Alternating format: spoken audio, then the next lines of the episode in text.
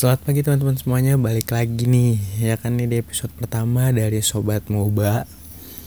Buat yang belum tahu gue, perkenalin nama gue Eros. Ya gue bakal ngebahas tentang yang terdekat dulu nih Yaitu M2 dari Mobile Legends sendiri. M2 ini salah satu Ya mungkin bisa dibilang tuh turnamen uh, kelas dunianya lah dari Mobile Legends kalau mungkin teman-teman tahu kan kalau MPL itu khusus di negara-negaranya ya. Kalau M2 tuh jadi diambil dari juara dan runner up dari MPL di beberapa negara sendiri. Dan untuk Indonesia itu ada perwakilannya untuk M2 sekarang.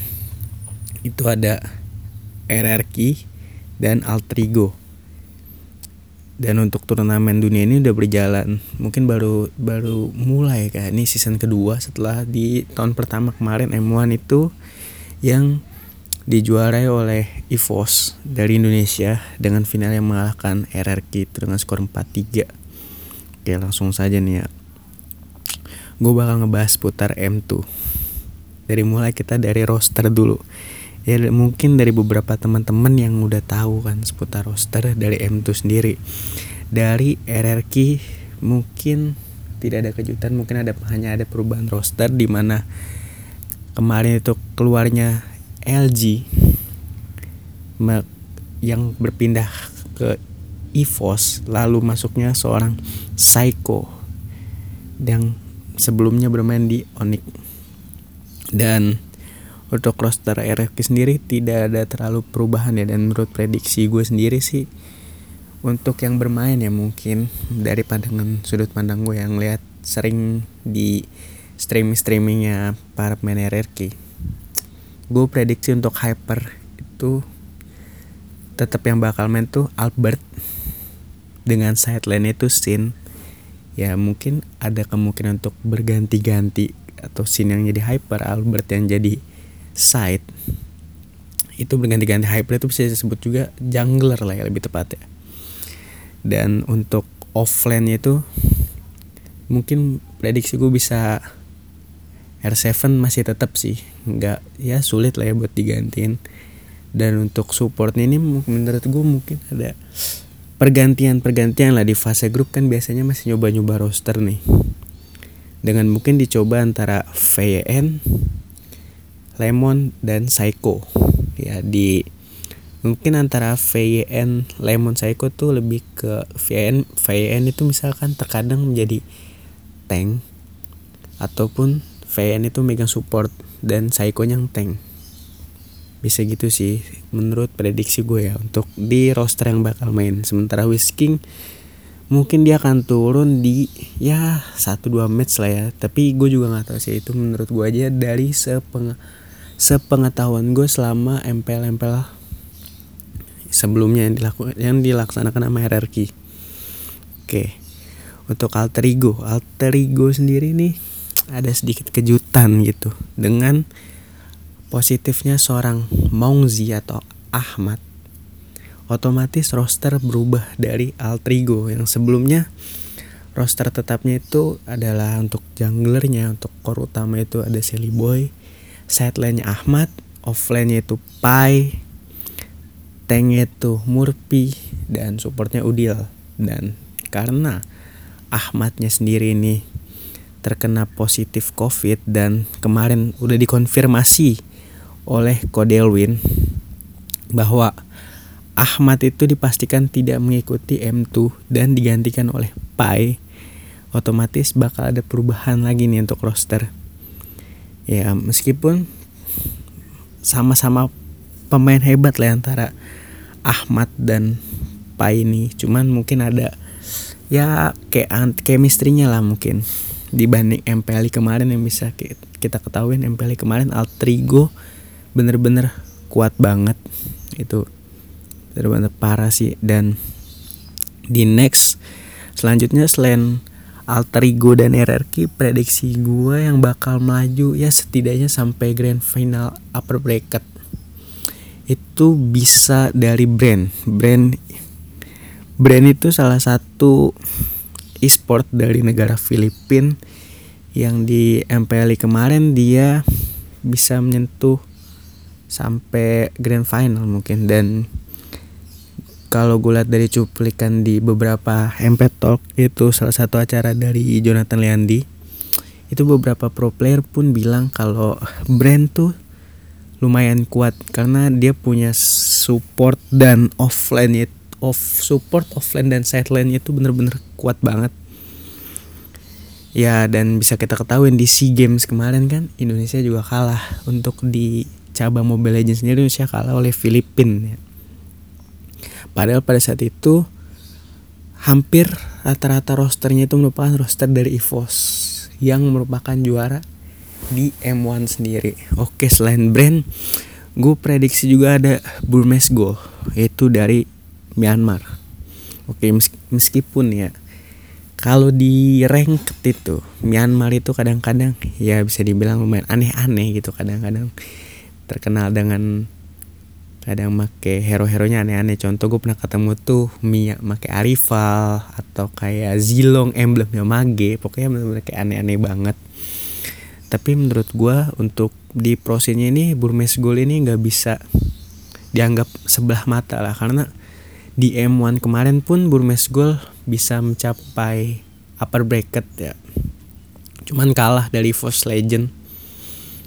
Dan menurut gue meta dari Myanmar ini lumayan berbahaya dengan meta-metanya dia tuh yang lumayan di luar prediksi lah contoh kayak tiba-tiba muncul kemarin tuh Hyperbaxia atau meta STS nya mereka itu benar-benar kayak kadang-kadang tuh bikin sulit lah contoh di MPLI season 1 itu EVOS kalah oleh Burmese Gold di babak playoff. Oke dan menurut gue itu cukup kayak mengejutkan sih. Oke selanjutnya itu gue prediksi bakal Todak.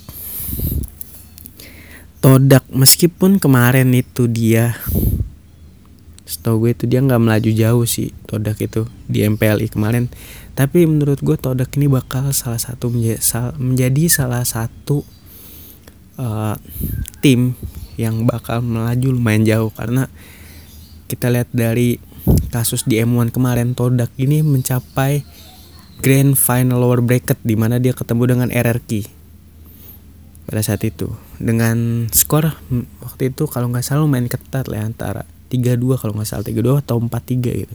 3-2 kalau nggak salah karena masih BO5 jadi lumayan ketat pada saat itu. Jadi bener-bener kayak Todak itu tidak bisa dianggap remeh sih. Meskipun menurut beberapa analis untuk cabang Mobile Legend Indonesia salah satu apa ya kiblatnya lah bisa dibilang. Tapi kita juga nggak bisa dipungkiri oleh Filipina dengan meta-meta mereka yang aneh-aneh itu bisa juga mengejutkan. Jadi kita nggak bisa menganggap negara-negara lain itu dengan sebelah mata. Oke, mungkin segitu untuk pembahasan roster kali ya lanjut gue bakal bahas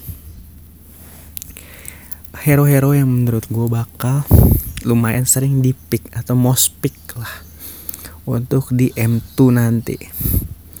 Untuk hero-hero jungler dengan di buff energi dari Link gue prediksi Link bakal kembali menjadi salah satu most pick untuk jungler. Karena karena bisa gue bilang gitu karena apa? Karena si Link ini mempunyai kemampuan untuk menciduk support-support yang sekarang nih support lumayan berbahaya ya. Nanti gue bakal sebutin lah beberapa hero support. Dan Link ini salah satu hero yang lumayan lumayan rumit lah ya bisa dibilang untuk di counter. Bisa cuman tergantung pilotnya lagi bisa dibilang. Dan lumayan bakal sering si Link untuk di pick ya. Selain link kedua itu bakal ada menurut gue bisa Brody. Meskipun Brody bisa dibilang untuk di bawah game hero ini lumayan lumayan sulit lah. Karena dia ini kan burst ya bukan seperti MMM kayak Carry atau Bruno yang benar-benar kayak masih bisa untuk cepat lah untuk gerakannya. Selalu Bruno ini beda tipis sama Layla lah lebih tepat ya karena skill kaburnya mungkin bisa dengan skill kombinasi antara skill 2 lalu ulti dan dia langsung naik gitu kayak one one. Cuman itu kan benar-benar kayak momen ya momentum. Dan mungkin skill escape-nya tuh bisa dibilang hampir nggak ada lah. Nggak kayak one one dengan skill duanya yes s skill satunya atau Roger yang bisa berubah jadi serigala terus skill skill dua serigala terus bisa skill dua manusia itu masih ada skill escape atau skill untuk lari lah ya. Menurut gua kalau Brody ya 50-50 lah ya. Kalau Brody buat jadi hyper mungkin kalau jadi side masih bisa dipertimbangkan lah Brody. Terus selanjutnya menurut gue bakal keluar tetap Lancelot. Salah satu jungler dan mungkin salah satu counter ya salah satu counter dari Link sendiri. Lance ini Lance ini bener-bener kayak hero yang lumayan lumayan sering dipakai. Dari mulai kemunculannya itu di MPL season 2 kalau nggak salah. Lance itu bareng sama Gusion dan sampai sekarang tetap masih menjadi salah satu hero mid lane yang lumayan lama ya bermain di mid lane. Sementara Gusionnya sendiri yang dulu menjadi rivalnya dia itu sekarang lebih banyak dimainin di site kalau bisa teman-teman tahu ya uh, menurut gue lens ini lumayan worth it sih karena kecepatan farmingnya juga sama Keling dia lumayan cepat farming. Jadi dia bisa farming sendiri si tank sama supportnya ini bisa ngerusuh ke buff lawan dan dia bisa datang dengan hanya untuk retri ya. Jadi menurut gue lumayan worth it sih si lens ini dengan skill dia punya skill dua yang lumayan bisa ngebatalin skill musuh dan menurut gue lens masih bakal tetap kepake sih. Terus selanjutnya itu menurut gue itu Roger. Kenapa gue bilang Roger? Karena Roger ini apa ya dia tidak terlalu bergantungan ke item sih bisa dibilang. Kalau beberapa mm kan bergantung dengan item ya. Kalau Roger ini minimal lu jadi satu item yaitu jang satu item lah selain jang item jungle dan sepatu. Minimal lu jadi wind talker aja dulu. Lu udah bisa buat ada damage lumayan sakit lah ketika lu kombinasi skill satu serigalanya itu itu lumayan berasa damage ya menurut gue jadi makanya Roger ini salah satu lumayan worth it lah ya bisa dibilang. Untuk di jadiin seorang hypercore. Oke itu mungkin tiga hero yang menurut prediksi gue bakal lebih sering ada di most pick lah bisa dibilang di M2 nanti itu ada Lance, Link, Roger. Oke lanjut. Kita bakal ke support. Support menurut gua support itu lumayan salah satu peran yang oke okay, kelihatannya kayak gak terlalu besar lah cuman impact jadi tim fight itu lumayan gede. Dan menurut gua most big bakal ada Lunox. Lunox itu kenapa menurut gua Lunox bakal most big? Meskipun udah di nerf ya kalau bisa diketahui kemarin tuh Lunox. Cuma menurut gue dengan bakal tetap masuknya Esmeralda ke meta Di mana Lunox ini salah satu counter dari Esme Dan dia bisa ngeburst seorang Esmeralda ini Ya nggak lumayan lama ya dengan skill ultinya dia. Jadi salah satu inilah buat matiin hero-hero offline offline yang tebel itu kayak Yuzong, Esme, itu bisa lumayan cepet sih di burst sama Lunox. Oke selain Lunox menurut gue yang bakal masuk lagi tuh kedua itu ada Chang'e Kenapa gue bilang Chang'e? Karena menurut gue Chang'e ini salah satu hero yang lumayan enak ya apalagi munculnya tank-tank yang ngunci kayak model Tigreal contohnya.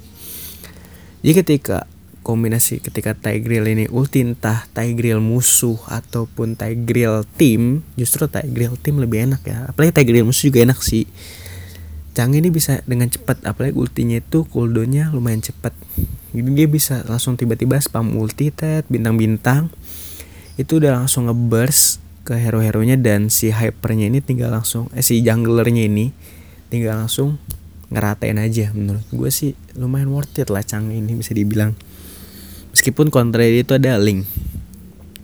selanjutnya menurut gue bakal keluar itu ada Kagura kenapa gue bilang Kagura? Karena dia salah satu hero burst juga burst damage bisa dibilang ah, kombinasi ultinya itu. Ketika tim fight besar-besaran dia bisa dengan enak untuk bisa ngunci beberapa hero nya dan menurut gue lumayan worth it sih kalau untuk pakai Kagura. Ketika hero-hero core musuhnya ini nih tipe-tipe hero yang rusuh ya kayak war-war yang dempet menurut gue worth it sih untuk Kagura Terus selanjutnya itu ada Valir. Kenapa Valir? Karena sesuai yang gue bilang tadi dengan masuk dengan prediksi gue tentang Lancelot yang bakal jadi salah satu jungler di M2 nanti. Otomatis Valir ini menjadi salah satu counter di mana skill dua Valir ini bisa menghambat pergerakan dari skill satu seorang Lancelot. Dan lumayan stun efek stun dari skill satu Valir ini lumayan rese bisa gue bilang apalagi ketika Valir ini udah jadi item S Queen One. Itu benar-benar kayak wah rese banget sih. Jadi lumayan ketika hero-hero jungler mau masuk nih kan itu si Valir ini bisa dengan stun combo skill 2 dan skill satunya itu. Itu bener-bener kayak bakal rese banget sih di war dan yang keempat mungkin menurut gue bakal keluar itu Vale atau mungkin Edora. Ya di antara dua itu lah kenapa gue sebut dua hero itu? Karena burst damage dari mereka ketika tim fight itu benar-benar berasa banget. Mungkin kalau Edora lebih untuk ngejiduk core-core ya lebih tepatnya. Lebih enak.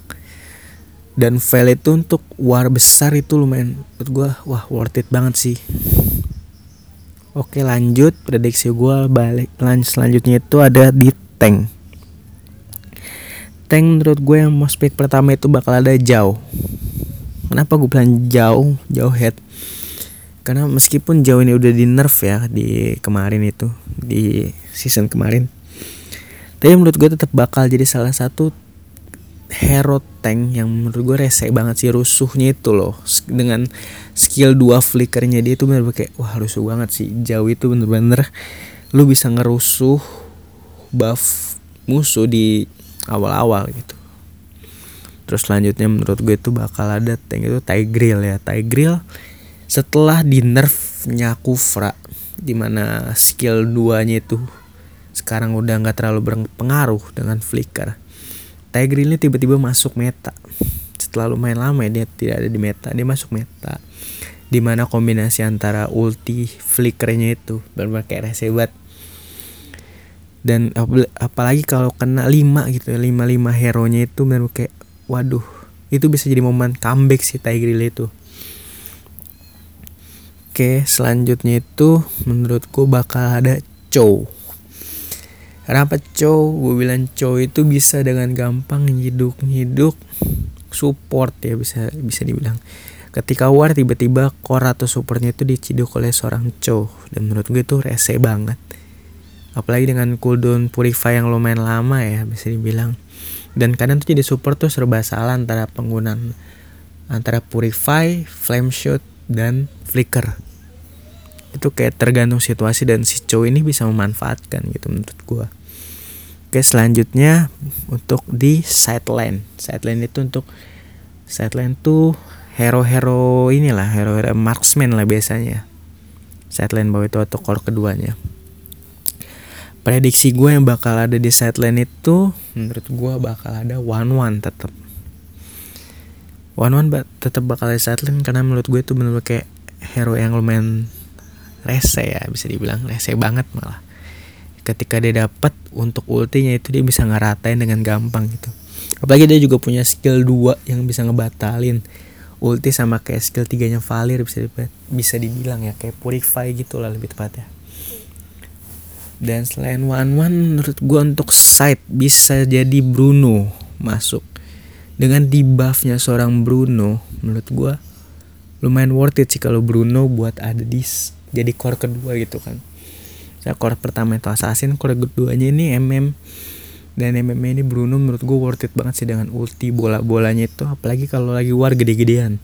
Otomatis bola-bola ini nektok nektok dan damage-nya lumayan berasa menurut gue jadi sangat worth it ya menurut gue untuk Bruno ini. Terus oke. Okay. selain selain Bruno menurut gue yang ketiga itu bisa Isun Sin. Sebenarnya Sun Sin ini bisa dibilang masih worth it sih untuk dijadiin jungler ataupun side lane tapi menurut gue lebih worth it dijadiin side karena kalau side ini dia bisa bantu damage melalui damage skill 3 nya hujan apinya ataupun damage skill 2 dan combo dengan skill satunya tuh lumayan sakit ya apalagi kalau lagi war gede gitu kan. Misalkan assassin yang gak dapat dia tinggal bisa skill 1 lalu dia skill 2 dan dia bisa ngekill itu jadi lumayan worth it lah bisa dibilang selain itu bisa juga Brody yang menurut gue lebih worth it untuk dijadiin side dibanding hyper atau jungler. Karena Brody karena burst damage skill 2 ultinya itu memang kayak sakit banget. Itu hero-hero assassin yang lincah kayak Lance, Link atau mungkin Haya ya itu bakal kayak bisa di stop gitu sama dia terus langsung di burst pakai ultinya. Terus selanjutnya itu ada di offline. Offline itu prediksi gue tetap bakal Esmeralda. Ya meskipun udah di nerf mulu Esme itu tapi menurut gue ketika dia nggak temu kontranya atau dia lebih snowball dibanding hero-hero lain menurut gue Esme tetap bakal rese banget sih. Karena dia bisa dengan gampangnya masuk keluar war itu dengan semena-mena. Selanjutnya itu menurut gua ada Yuzong Yuzong itu bener-bener kayak rese banget. Pasif dari skill 2 dia ini benar-benar kayak rusuh banget apalagi ketika dia habis jadi naga. Itu benar-benar kayak lumayan nyusahin lah bisa dibilang Yuzong ini. Dan ketiga menurut gua itu bakal ada mungkin bisa dibilang untuk offline itu gue prediksi bakal ada ini sih siapa? Uranus mungkin masih ya masih bisa. Cuman kadang kurang worth it sih untuk Uranus. Tamus mungkin ya lebih akan lebih lumayan lumayan bakal dipakai lagi sih Tamus. Meskipun di rank lumayan jarang ya. Dan kenapa gue nggak sebut Gwyn? Meskipun Gwyn itu sering dipakai di rank. Karena menurut gue Gwyn ini sebenarnya masih bisa dikonter sih. Combo skill 2 dan ultinya itu dan mungkin yang terakhir Ruby ya menurut gue Ruby lumayan rese sih buat dijadiin side. Oke mungkin tuh prediksi hero-hero yang menurut gue bakal masuk di atau most pick lah bisa dibilang di M2 nanti. Ya kan? Terus mungkin segitu aja sih yang bakal gue bahas di episode pertama ini. Ya pokoknya kita tetap Indo Pride ya kita tetap dukung siapa pun timnya entah itu Alter Ego ataupun RRQ yang penting kita tetap Indo Pride agar Indonesia nih tetap bisa juara nih agar Indonesia Raya berkumandang nanti di Singapura. Oke teman-teman semuanya pokoknya stay tune terus ya gue bakal lebih sering nih ya kan? Setiap ada updatean terbaru dari Mobile Legend sendiri entah itu dari ranknya eh dari Mobile Legend ranknya ataupun kayak di arcade-nya gue bakal tetap kasih informasi ke teman-teman semua oke mungkin sekian dari gue mohon maaf apabila ada kesalahan kata atau mungkin ketidaktepatan lah ya dalam ucapan gue mohon maaf karena segala kesempurnaan hanya milik Tuhan Oke, mungkin sekian dari gue. Terima kasih yang udah mendengarkan. Selamat beraktivitas semua. Selamat pagi.